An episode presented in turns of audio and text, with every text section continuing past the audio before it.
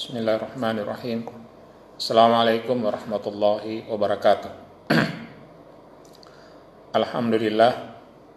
Alhamdulillahi alamin. Salatu wassalamu ala asyrafil mursalin wa ala alihi wa sahbihi ajmain. Amma ba'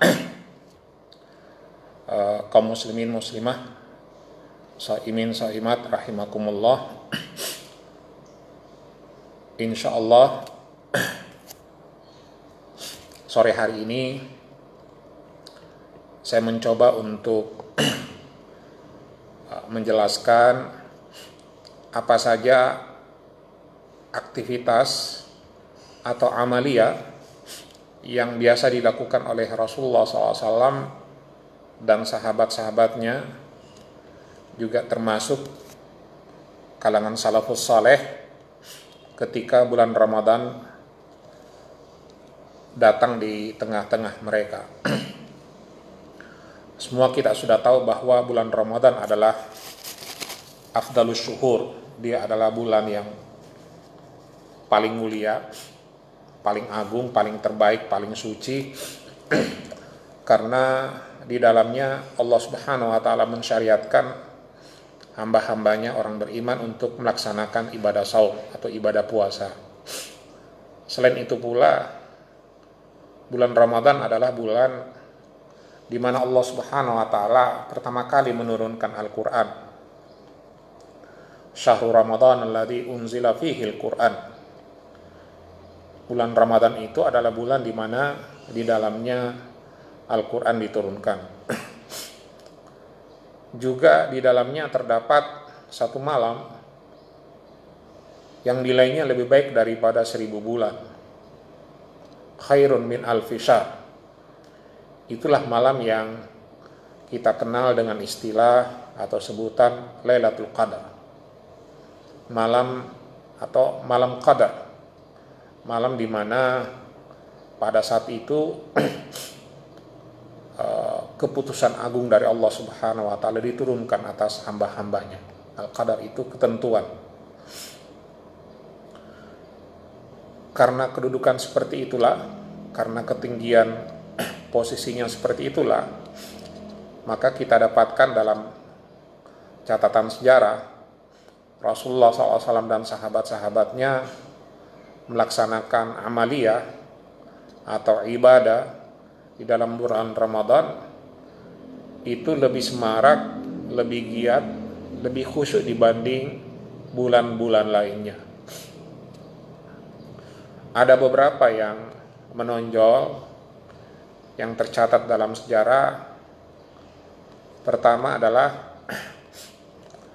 uh, ini juga mencakup beberapa kegiatan. Rasulullah SAW dalam hadis disebutkan wakana min hadi sallallahu alaihi wasallam fi syahr Ramadan al ikthar minal ibadat adalah bahwa kata sahabat Rasulullah SAW di antara petunjuknya ketika bulan Ramadan masuk al-ikthar minal ibadat.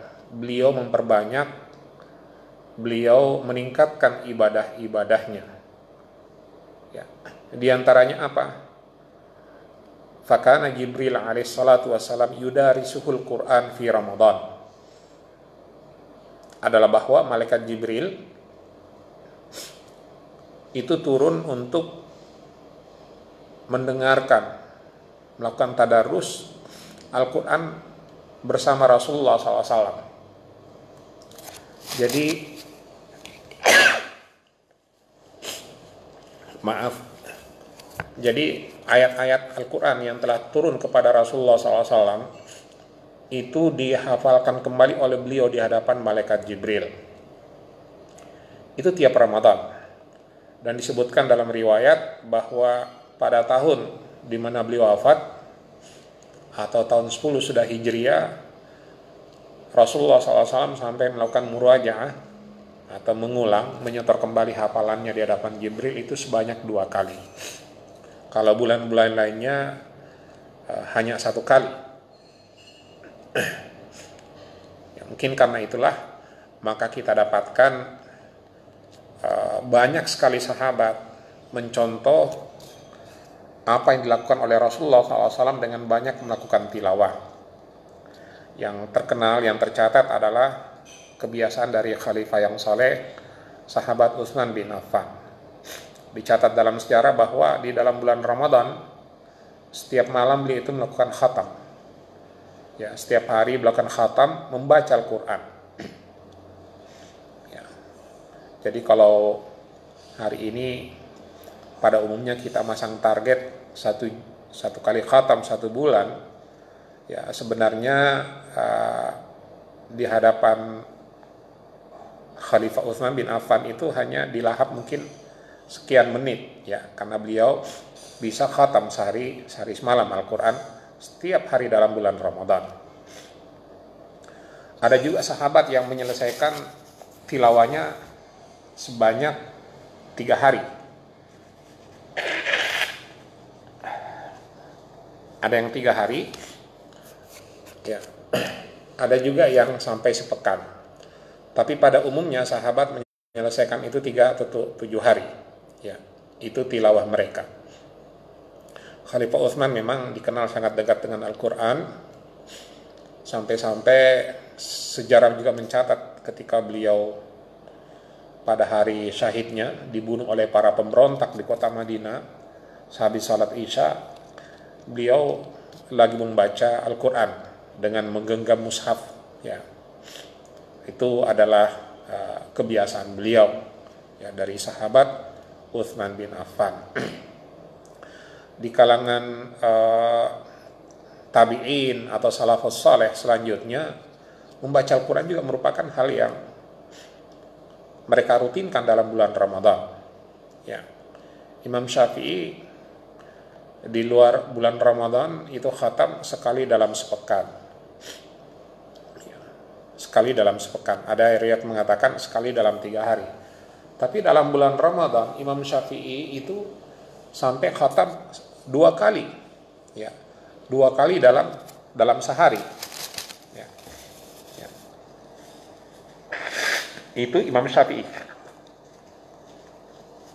Saya mendapatkan keterangan bahwa uh, itu adalah gabungan antara tilawah beliau di dalam sholat, ya, apakah qiyamul lail atau sholat-sholat wajib, dengan tilawah beliau di dengan mem mem membaca mushaf atau dengan hafalan beliau.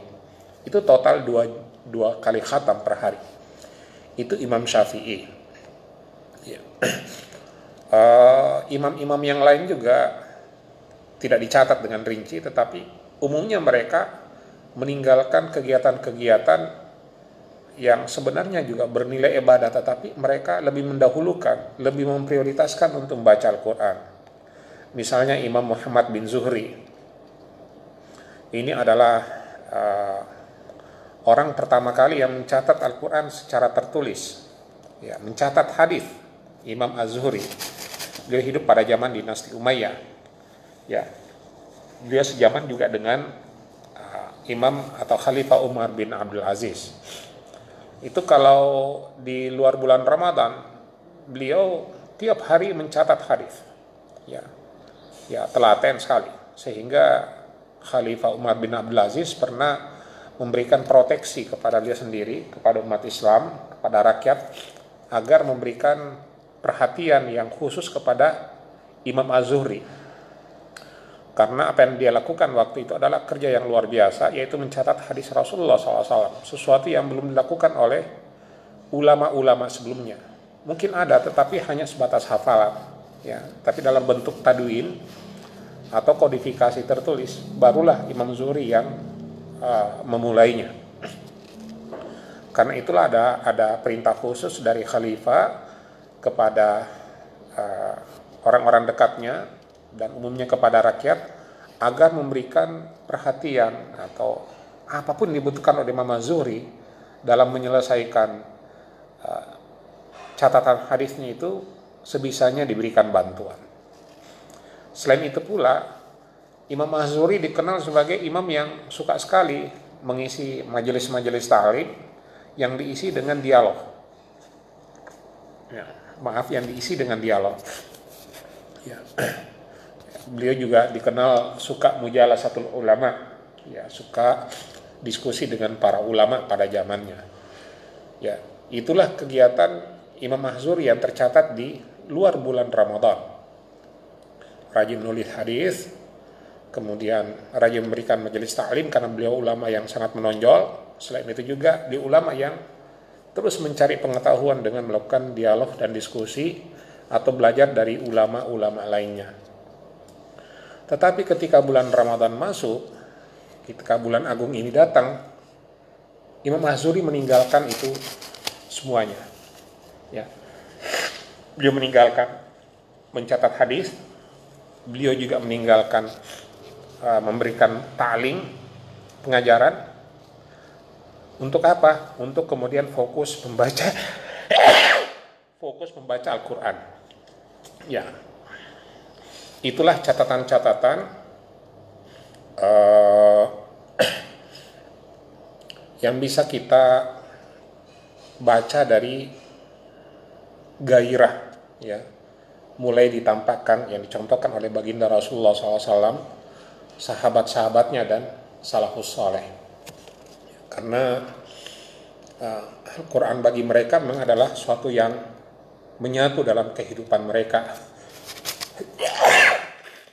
menyatu dan uh, menjadi rujukan menjadi rujukan bukan hanya untuk masalah syariat, tapi juga untuk menyangkut masalah kehidupan keseharian mereka. Sumber kebudayaan mereka, sumber pengetahuan mereka adalah Al-Quran. Ya. Tata bahasa mereka juga diambil dari uh, ungkapan-ungkapan uh, atau ayat-ayat dalam Al-Quran. Ya. Karena itulah mereka kemudian ketika bulan Ramadan masuk, ulama kita dengan dicontohkan oleh Rasulullah SAW fokus untuk membaca Al-Quran. Karena itulah akan sangat bagus kalau kita pada hari ini juga mencoba untuk meneladani mencontoh apa yang telah kita dengarkan atau pernah kita baca dari kehidupan Rasulullah SAW. Mari kita membaca Al-Quran.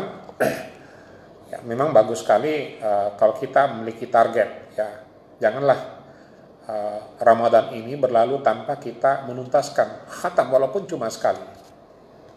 Ya. Sebab uh, secara waktu Al-Quran itu memang mengkondisikan untuk kita untuk bisa menghatamkannya. Karena kita melihat di mana-mana masjid, kita mendengarkan ayat Al-Quran, ya, kita juga melihat saudara-saudara kita banyak melakukan tadarusan, tilawah, ya di sela-sela waktu yang kosong apalagi sambil menunggu datangnya buka puasa banyak yang buka Al-Quran. Nah kalau sekarang ini kan uh, peluangnya lebih besar lagi ya karena kebanyakan kita stay at home istilahnya kita berada di rumah karena adanya wabah corona ya saya kira akan lebih leluasa lagi kalau kita bisa menghatamkan Al-Quran ya sekali dalam bulan Ramadan. Syukur sekali kalau misalnya kita bisa melakukan lebih daripada itu. Ya karena Al-Quran ini insya Allah akan menjadi pembawa syafaat kita di alam kubur. Dia akan menjadi penerang, ya. Dia akan menjadi penerang, dia akan menjadi pelita, ya. Ya. Jangankan kuburan ya. Lokasi kuburan saja itu kan seram itu. Belum lagi kuburannya di dalam liang atau lahatnya. Insya Allah dalam hadis-hadis dijelaskan bahwa dia akan menjadi cahaya bagi yang suka atau yang intim ya bersahabat dengan Al-Quran suka melakukan tadarusan apalagi sampai kepada tingkat melakukan tadabur atau upaya untuk memahami ayat-ayat Allah Subhanahu wa taala.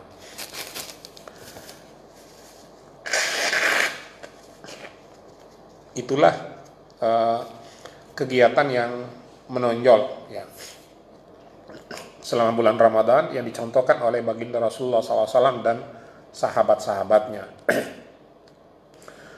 Selain itu, kata sahabat, wa kana idza laqiyahu Ramadan ajwad ya, ajwada bil khairi min rihil.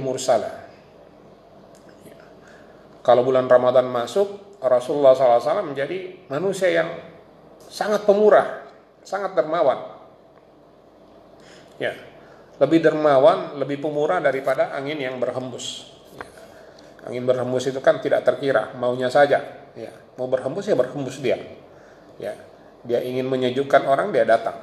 Ya, tapi Rasulullah SAW begitu Ramadan masuk, apa yang beliau contohkan itu lebih daripada uh, frekuensi angin yang berhembus. Ya, mungkin sahabat yang yang meriwatkan hadis ini tidak punya lagi ungkapan lebih daripada itu.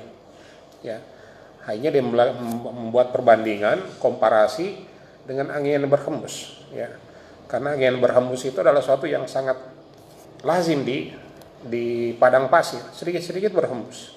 Ya, kadang juga datang dengan hembusan yang kuat, ya berupa badai.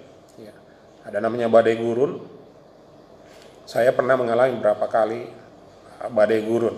Ya. Pernah pada saat akan mendarat di dengan pesawat, pernah pada saat perjalanan dari Madinah ke Mekah atau dari Mekah ke Madinah itu sering sekali di daerah perbatasan itu ada angin yang begitu kencang. Ya, setiap waktu terjadi. Jadi frekuensinya rutin, ya, frekuensinya sangat sering. Nah, mungkin karena pengalaman kehidupan keseharian seperti itulah sehingga sahabat ini memberikan perumpamaan. Ya, dia mengatakan bahwa jika Ramadan masuk, Rasulullah SAW itu lebih pemurah daripada angin yang berhembus. Ya, karena angin berhembus adalah sesuatu yang sangat lazim, sesuatu yang biasa, sesuatu yang uh, hadir di dalam kehidupan para sahabat waktu itu. Ya.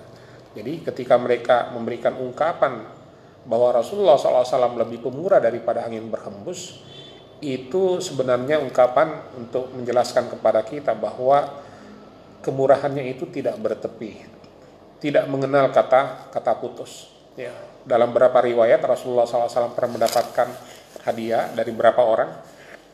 Kata sahabat, ya kami belum beranjak dari tempat itu sudah habis dibagi oleh Rasulullah SAW.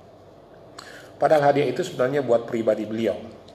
Ya ada yang jumlahnya ribuan dinar ada yang yang ribuan dirham ada yang sekian dan seterusnya. Ketika sampai di hadapan Rasulullah SAW itu langsung langsung dibagi oleh beliau untuk orang-orang yang membutuhkan. Ya. ini semua yang akhirnya menjadi sumber inspirasi sumber keteladanan yang kemudian diikuti jejaknya oleh oleh para sahabat ya.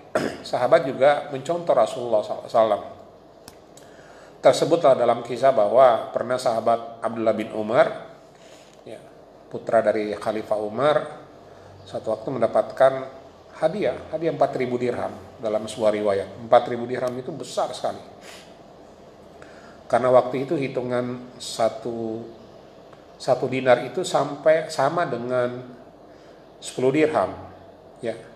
Jadi kalau 4000 dirham itu sama dengan 400 dinar satu dinar itu berapa kira-kira nilainya? Pada zaman Rasulullah SAW, satu dinar itu bisa membeli satu ekor kambing. Bisa membeli satu ekor, satu ekor kambing. Jadi kalau 4000 dirham itu sama dengan 400 dinar, kira-kira waktu itu Ibnu Umar mendapatkan hadiah kurang lebih 200 ekor kambing. 200 ekor kambing. Ya, hari ini kalau misalnya kita konversikan ke dalam hitungan rupiah, satu ekor kambing itu kan rata-rata 2 juta ya 2 juta. Kali 200 ya lumayan 400an juta. Nah, kata perawi ketika uang itu ada di hadapan Abdullah bin Umar di bulan Ramadan langsung dibelikan makanan kemudian dibagikan kepada siapa saja yang membutuhkan makanan hari itu. Ya. dan ini bukan hanya sosok Abdullah bin Umar ada ribuan sahabat yang tergolong sebagai pemurah ya Ya, biasa kita mendengar kisah-kisah Abdurrahman bin Auf, Utsman bin Affan, Ali bin Abi Thalib. Ini adalah sahabat Abu Bakar bin Abu Bakar As-Siddiq. Ini adalah Umar bin Khattab. Ini adalah sahabat-sahabat yang merupakan puncak keteladanan dalam masalah uh, berbagi kepada sesama manusia. Saya kira kalau hari ini sangat sangat bagus ya sungguh mulia kalau misalnya kita meneladani apa yang telah dicontohkan oleh baginda Rasulullah SAW dan sahabat-sahabatnya. Ya, berapapun yang kita mampu. Ya, kenapa? Karena pada hari ini kita melihat banyak sekali saudara-saudara kita yang menderita kesulitan dari sisi pendapatan. Ya, karena pergerakan mereka menjadi terbatas akibat adanya larangan-larangan yang dikeluarkan oleh pemerintah untuk mencegah mewabahnya atau menjalarnya uh, musibah corona. Saya kira uh, kalau kita kembali kepada pemahaman bahwa pahala itu tergantung kepada konteksnya, ya, maka sekarang ini apa yang kita lakukan? Ya, apalagi berbagi kepada sesama manusia, kepada saudara-saudara kita orang-orang Islam yang kesulitan, ya tidak punya sesuatu untuk buka puasa atau sahur, itu akan jauh lebih dilipat gandakan pahalanya Allah Subhanahu wa taala karena konteksnya sudah sudah sudah tepat. Ya, kita ingat bagaimana pernah ada seorang sahabat dikisahkan meninggalkan itikafnya di Masjid Nabawi. Dia meninggalkan itikafnya di Masjid Nabawi kenapa? Karena dia mendapat pesan bahwa ada seorang saudaranya, ada seorang sahabatnya juga, temannya membutuhkan pertolongan dia membutuhkan bantuan dia. Akhirnya dia keluar meninggalkan etikaf yang sudah dijalaninya beberapa hari. Ketika dia meninggalkan masjid itu, ya ada seorang sahabat melaporkan kepada Rasulullah SAW. Ketika mendengar laporan itu kata Rasulullah SAW, apa yang dilakukan itu keluar meninggalkan itikaf, ya, ya dia keluar tinggalkan itikaf, ya untuk membantu saudaranya di luar masjid itu nilai pahalanya di sisi Allah Subhanahu wa taala lebih baik daripada satu bulan iktikaf penuh. Lebih baik daripada satu bulan iktikaf penuh, ya. Coba bayangkan ini adalah Masjid Nabawi. Ya, Masjid Nabawi itu kita sholat dalamnya lebih afdal seribu kali lipat dibanding kita sholat di masjid di luar Masjid Nabawi. Ya, tentu saja selain Masjidil Haram dan Masjidil Aqsa. Ya. Kenapa? Karena konteksnya. Ya kelihatan dia melaksanakan ibadah.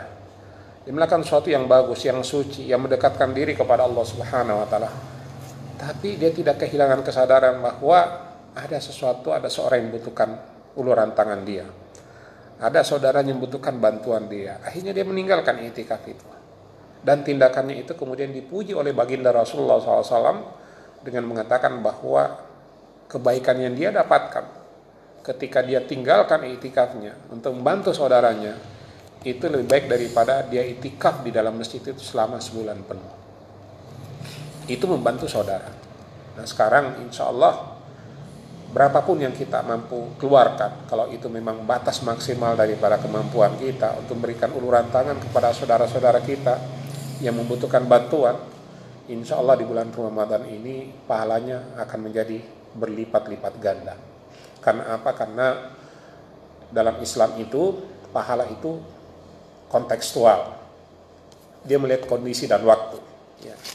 ya katakanlah misalnya ketika keluarga atau tetangga kita kelaparan, butuh bantuan, sementara kita sudah lama menabung, ya kita sudah lama menabung untuk melaksanakan umroh, melaksanakan umroh di bulan Ramadan yang nilai pahalanya sama dengan haji, ulama sepakat mengatakan kalau dia membatalkan umrohnya, kemudian mengalihkan biaya itu untuk membantu saudaranya, itu jauh lebih bagus pahalanya. Jauh lebih banyak pahalanya di sisi Allah Subhanahu wa taala daripada dia melaksanakan melaksanakan tak melaksanakan umroh. Karena apa? Karena ibadah itu kontekstual. Ya, karena itulah uh, bagi kita ikhwan akhwat rahimakumullah yang punya keleluasaan yang punya kemampuan berbagi dengan saudaranya, mari kita berbagi. Ya, ya, mari kita berbagi. Ya. Kadang juga sahabat mengundang Rasulullah SAW. Ya, dikisahkan saat sahabat saat bin bin Ubadah, ini pemimpin dari suku Khazraj, ya, sahabat utama. Biasa mengundang Rasulullah SAW untuk iftar di rumahnya, berbagi makanan dengan Rasulullah SAW. Dan tentu saja kalau dia mengundang Rasul itu juga ikut sahabat-sahabat yang lain. Ya. ya. Ada seorang uh, memberikan komentar terhadap apa yang dilakukan oleh sahabat Sa'ad bin Ubadah ini. Ya. Dia mengatakan bahwa sahabat Sa'ad bin Ubadah ini cerdas sekali. Ya, karena pertama dia mengundang Rasulullah SAW memberi orang sahur, eh, memberi orang buka puasa, dia dapat pahala. Yang kedua, dia didoakan oleh Rasulullah SAW pada saat mereka menikmati buka puasa bersama. Jadi double-double kebaikannya. Ya. Tapi ini adalah fenomena umum, bukan hanya Rasulullah SAW, tapi di kalangan sahabat. Ketika bulan Ramadan masuk, mereka semuanya menjadi lebih dermawan, lebih suka berbagi kepada saudara-saudaranya, lebih suka membantu saudara-saudaranya. Dan uh, sekali lagi, ikhwan akhwat rahimakumullah, konteks uh, pahala itu adalah uh, sesuai dengan situasinya, ya, situasi yang kita hadapi. Semakin susah satu situasi, tapi kemudian di situ ada kebaikan yang muncul, insya Allah kebaikan itu menjadi berlipat ganda di sisi di sisi Allah Subhanahu wa taala. Kemudian uh, selain baca Quran ya, kemudian berbagi dengan sama manusia dengan lingkungannya dengan keluarga di sekelilingnya mereka juga melaksanakan salat taraweh ya salat salat taraweh ya. Hari ini ya dengan segala kesedihan kita ya kita mesti menerima bahwa sebaiknya kita melaksanakan taraweh masing-masing di rumah ya. Kita mengikuti anjuran dan uh, fatwa majelis ulama anjuran pemerintah dan fatwa majelis ulama. Karena itu adalah maslahat ya. Untuk melawan mudarat makin menyebarnya wabah ya. Jadi meskipun kita mendapatkan cerita hadis yang berkisah bagaimana di zaman Rasulullah SAW terawih mulai diperkenalkan hingga kemudian menjadi suatu yang rutin di zaman Umar bin Khattab tapi harus hari ini kita harus uh, waspada karena ada mudarat yang setiap waktu bisa menyerang umat manusia yaitu virus uh, eh, COVID-19 Ya. Di zaman Rasulullah SAW terawih itu tidak seperti yang kita laksanakan hari ini. Ya, dicatat bahwa terawih pertama dilaksanakan pada tengah malam. Ya, jadi sama dengan Qiyamul Lail. Ya, Qiyamul Lail dan sahabat-sahabat akhirnya ikut satu persatu. Ya, karena mereka setiap waktu memang selalu mengintip ya dalam tanda petik mengintip apa saja kebaikan yang mereka bisa lihat dari kehidupan Rasulullah SAW. Apalagi Rasul melaksanakannya di Masjid Nabawi. Di sekeliling Masjid Nabawi kan ada ahlu sufa. Itu sahabat-sahabat yang tergolong tidak mampu tapi mereka rajin untuk menuntut pengetahuan dan mencatat apa saja mereka dengar atau menghafalkan kembali apa yang mereka dengarkan dari Rasulullah SAW mereka-mereka inilah yang selalu mengintip ya menanti dengan penuh minat ibadah-ibadah atau amali yang dicontohkan oleh baginda Rasulullah SAW sampai satu malam akhirnya Rasulullah SAW keluar melaksanakan terawih dan uh, tidak disangka ternyata ada beberapa orang sahabat yang berdiri sebagai makmum di belakang beliau pada hari kedua ketika Rasul melaksanakan terawih, jumlahnya makin bertambah banyak. Apalagi hari ketiga hampir penuh itu. Ya, sahabat-sahabat yang menjadi makmum beliau pada saat uh, melaksanakan salat terawih. Nah, memasuki malam keempat Rasulullah SAW tidak keluar, ya, tidak keluar, tidak datang ke masjid, sehingga sahabat-sahabat rasa heran ya, kenapa nggak dilanjutkan? Kenapa sholat qiyamul lail berjamaah itu tidak dilanjutkan? Ketika ditanyakan itu kepada Rasulullah SAW, beliau mengatakan saya menghentikan karena saya khawatir. Ya, nanti uh, sholat seperti itu, ya beliau tidak namakan terawih. Terawih itu penamaan ulama di kemudian hari. Ya, beliau tidak menamakan terawih. Saya khawatir sholat seperti itu kalian akan anggap sebagai sebuah kewajiban. Ya, sebagai sebuah kewajiban. Ya, ya Mungkin karena Rasulullah SAW memang untuk qiyamul itu adalah wajib. Ya, karena beliau fatahajjat bihi nafilatan lak. Ya, maka kamu harus bertahajud Muhammad sebagai tambahan atas kamu. Jadi tahajud bagi Rasulullah SAW itu statusnya adalah sesuatu yang wajib. Makanya Rasul mengatakan saya khawatir kalau saya meneruskan kalian akan menganggap sholat sunnah itu apa yang saya lakukan itu sebagai sebuah kewajiban. Padahal itu sunnah untuk kalian. Maka sejak saat itu tidak ada lagi salat taraweh. Ya, nanti pada zaman Umar bin Khattab ya, ya sahabat-sahabat satu persatu Habis sholat isya berjamaah mereka melaksanakan terawih masing-masing. Ada yang di sudut masjid, ada yang di tengah. Jadi mereka berpencar-pencar, sibuk dengan terawihnya masing-masing. Ya, melihat kondisi seperti itu, akhirnya Khalifah Umar berinisiatif menyatukan mereka. Ya, kemudian menunjuk sahabat Kaab untuk menjadi menjadi imam sholat bagi mereka. Setelah mereka dikumpulkan, Lalu Khalifah Umar mengatakan nikmatul bidah nikmatul bidah itu hadhihi. Inilah bidah yang paling nikmat itu. Ini bidah yang paling bagus itu. Bidah yang paling bagus itu. Ya, dan sejak saat itu salat tarawih rutin dilaksanakan oleh umat Islam, ya.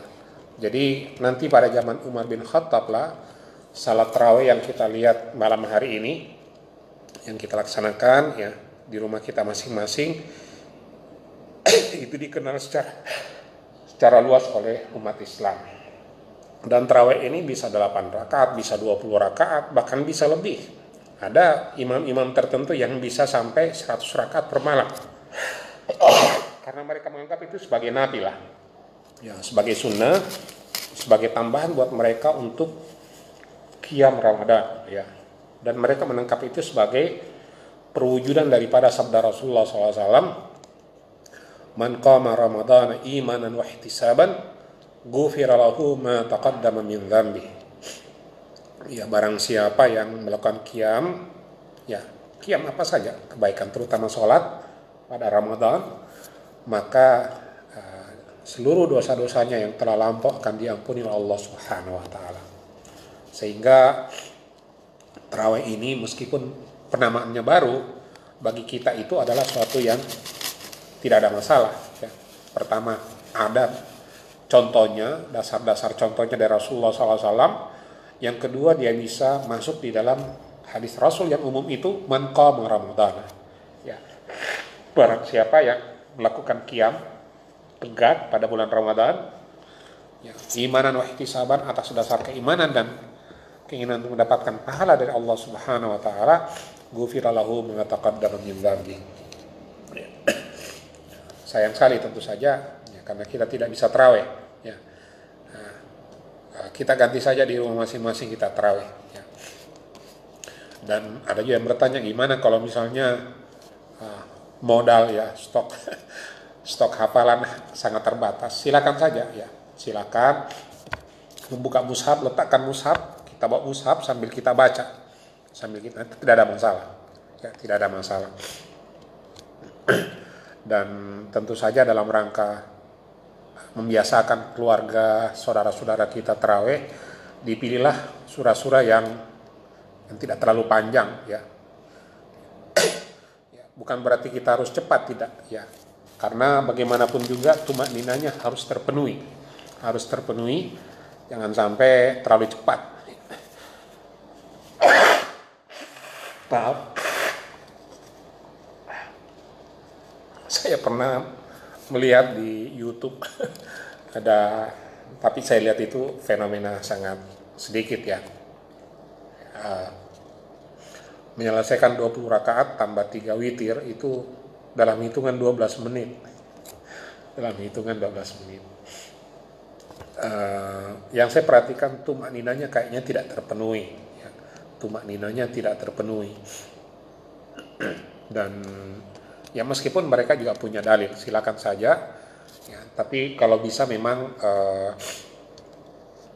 uh, jangan sampai terburu-buru ya karena kita berhadapan atau lagi menghadap Allah Subhanahu wa taala ya. Bagi yang kuat-kuat ya silakan saja tilawahnya panjang-panjang ya. Karena uh, ada juga beberapa riwayat ya di kota-kota tertentu atau masjid-masjid tertentu di zaman tabiin itu ada yang uh, misalnya riwayat dari tabiin Saleh bin Duraik di kota Basra dia berkisah bahwa di masjid kami itu untuk terawihnya itu tiga malam Al-Quran itu khatam. Jadi tiga malam Al-Quran itu khatam. Ya, kalau Al-Quran itu 30 juz itu berarti setiap terawih satu malam mereka menghabiskan atau imamnya membaca 10 juz ya, karena khatamnya Al-Quran itu tiga malam 30 juz. Ya. Jadi kalau 7 juz yaitu berarti rata-rata kalau 8, 8 rakaat rata-rata satu rakaat mendekati satu juz. Ya ya. Nah, kalau kita konversi ke dalam hitungan hitungan menit itu mungkin satu rakaat itu mendekati satu satu jam ya. Satu rakaat satu jam ya bisa. Makanya dari ayat mengatakan uh, generasi tabiin itu berkisah bahwa kadang kami sahur itu uh, begitu selesai sahur langsung langsung uh, kami sholat subuh. Ya, karena padahal tahajudnya mereka mereka sudah mulai dari jam 2 atau jam 1 ya, mungkin karena tilawahnya sangat panjang. Ya, ada yang sampai uh, harus dibantu dengan tongkat ya karena saking lamanya mereka berdiri. Tapi ada yang unik juga ya Saleh bin Raik melanjutkan kisahnya ya, ya kami itu biasa di sebuah masjid di Basra uh, tiga malam menyelesaikan atau khatam Al-Quran ya. Waktu kami melaksanakan terawih tapi satu waktu imamnya itu berhalangan. Ya sakit jatuh sakit imamnya yang biasa jadi imam uh, tiga malam khatam Al-Quran. Lalu datanglah imam baru penggantinya. Ya rupanya imam ini itu menyelesaikan atau khatam Al-Quran dalam empat malam khatam Al-Quran dalam empat malam Ya, kalau tadinya tiga malam saja, ini empat malam. Berarti rata-rata satu malam tujuh setengah juz. Kata Imam Soleh bin Duraik, setelah setelah kami bersama imam yang empat malam itu menyelesaikan atau khatam Al-Quran, kami merasakan ringan sekali katanya sholatnya. ya. Jadi satu malam dengan baca tujuh setengah juz itu di kalangan tabiin itu dinilai itu dikomentari sebagai sesuatu yang masih ringan. Ya, karena mereka umumnya menyelesaikan terawih dengan baca 10 juz itu di kota Basra. Ya jadi memang kekuatan kita itu tidak terbatas ya. Kemampuan kita kemampuan manusia tidak terbatas ya. Seandainya kita coba dengan yang agak lama-lama ya katakanlah kalau sekarang satu halaman satu rakaat itu sudah terhitung lama ya tiba-tiba kita ikut sama imam yang lain dia hanya membaca setengah halaman itu terasa terasa ringan sekali terasa akan terasa ringan ya. Tapi kalau terbiasa dengan eh, dengan ayat-ayat pendek atau surah pendek ya baru diperkenalkan katakanlah misalnya uh, yang setengah halaman itu sudah berkomentar akan terasa berat itu. Kenapa? Karena kebiasaannya yang pendek-pendek ya tapi kalau terbiasa dengan satu halaman ya satu halaman insya Allah ketika imamnya muncul dengan membaca setengah halaman akan terasa ringan. Tapi kalau yang terbiasa hanya 3-4 ayat, setelah itu langsung ruku ya uh, untuk menyelesaikan satu rakaat begitu dibacakan setengah halaman itu akan terasa berat itu jelas kenapa. Jadi titik awalnya itu yang memang tidak sama. Ya. Tapi itu menandakan bahwa potensi manusia tidak terbatas dan potensi kita ini insya Allah akan melejit kalau di di uh, dibalut atau dilandasi didasari oleh pemahaman tentang keagungan Ramadan, terutama keagungan membaca Al-Quran di bulan Ramadan. Ya mungkin karena itulah kita mendapatkan banyak sekali uh, atau mendapatkan karena membaca kisah-kisah ajaib dari salafus saleh kita, bagaimana interaksi mereka dengan Al-Quran. Imam Ahmad bin Hambal juga bisa khatam dua kali dalam sehari semalam sama dengan Imam Syafi'i. Imam Malik khatam sekali sehari semalam. Ya. ya. Imam Nawawi dalam kitabnya Adab Hamalatil Quran pernah mengatakan bahwa atau mencatat bahwa uh, saya mendapat berita mendapat berita bahwa seorang qadi di kota Kairo ya itu kata Imam Nawawi dalam kitabnya Adab Hamalatil Quran. Dia bisa khatam Al-Quran dalam bulan Ramadan. Itu tujuh kali sehari semalam. Ya tujuh kali sehari semalam. Itu saya sendiri bingung bagaimana konsep waktu yang diberikan Allah kepada orang ini. Luar biasa berkahnya. Luar biasa berkahnya. Tapi kalau kita bawa kepada perasaan-perasaan kita situasi kejiwaan individual kita hal itu bisa di dinalar ya bisa dirasionalisasi ya Nah, di situlah kadang uh, berlaku hukum relativitas kata orang. Ya, ya saya ingat perkataan Einstein, hukum itu ya bisa panjang bisa pendek waktu kata Einstein. Ya. Tergantung bagaimana cara kita menyikapinya atau suasana kejiwaan yang ada pada diri kita. Kata Einstein ya, ketika mencoba menjelaskan hukum relativitas ini mengatakan uh, 10 menit berada di dekat tungku api ya itu rasanya seperti satu jam. Ya kata Einstein ya 10 menit kita berada dekat tungku api pembakaran api itu rasanya hampir sejam bahkan mungkin lebih. Ya karena saking panasnya tersiksanya kita duduk di dekat tungku api. Tapi ya, sepasang pengantin baru pada saat mereka pertama kali ketemu satu jam itu rasanya lima menit ya kata Einstein itulah relativitas Mungkin seperti itulah yang dirasakan oleh ulama-ulama kita. Saking intimnya, saking dekatnya, saking cintanya, saking khusyuknya mereka membaca pesan-pesan Allah Subhanahu wa taala sehingga konsep waktu mereka mengalami perubahan yang mereka tidak sadari.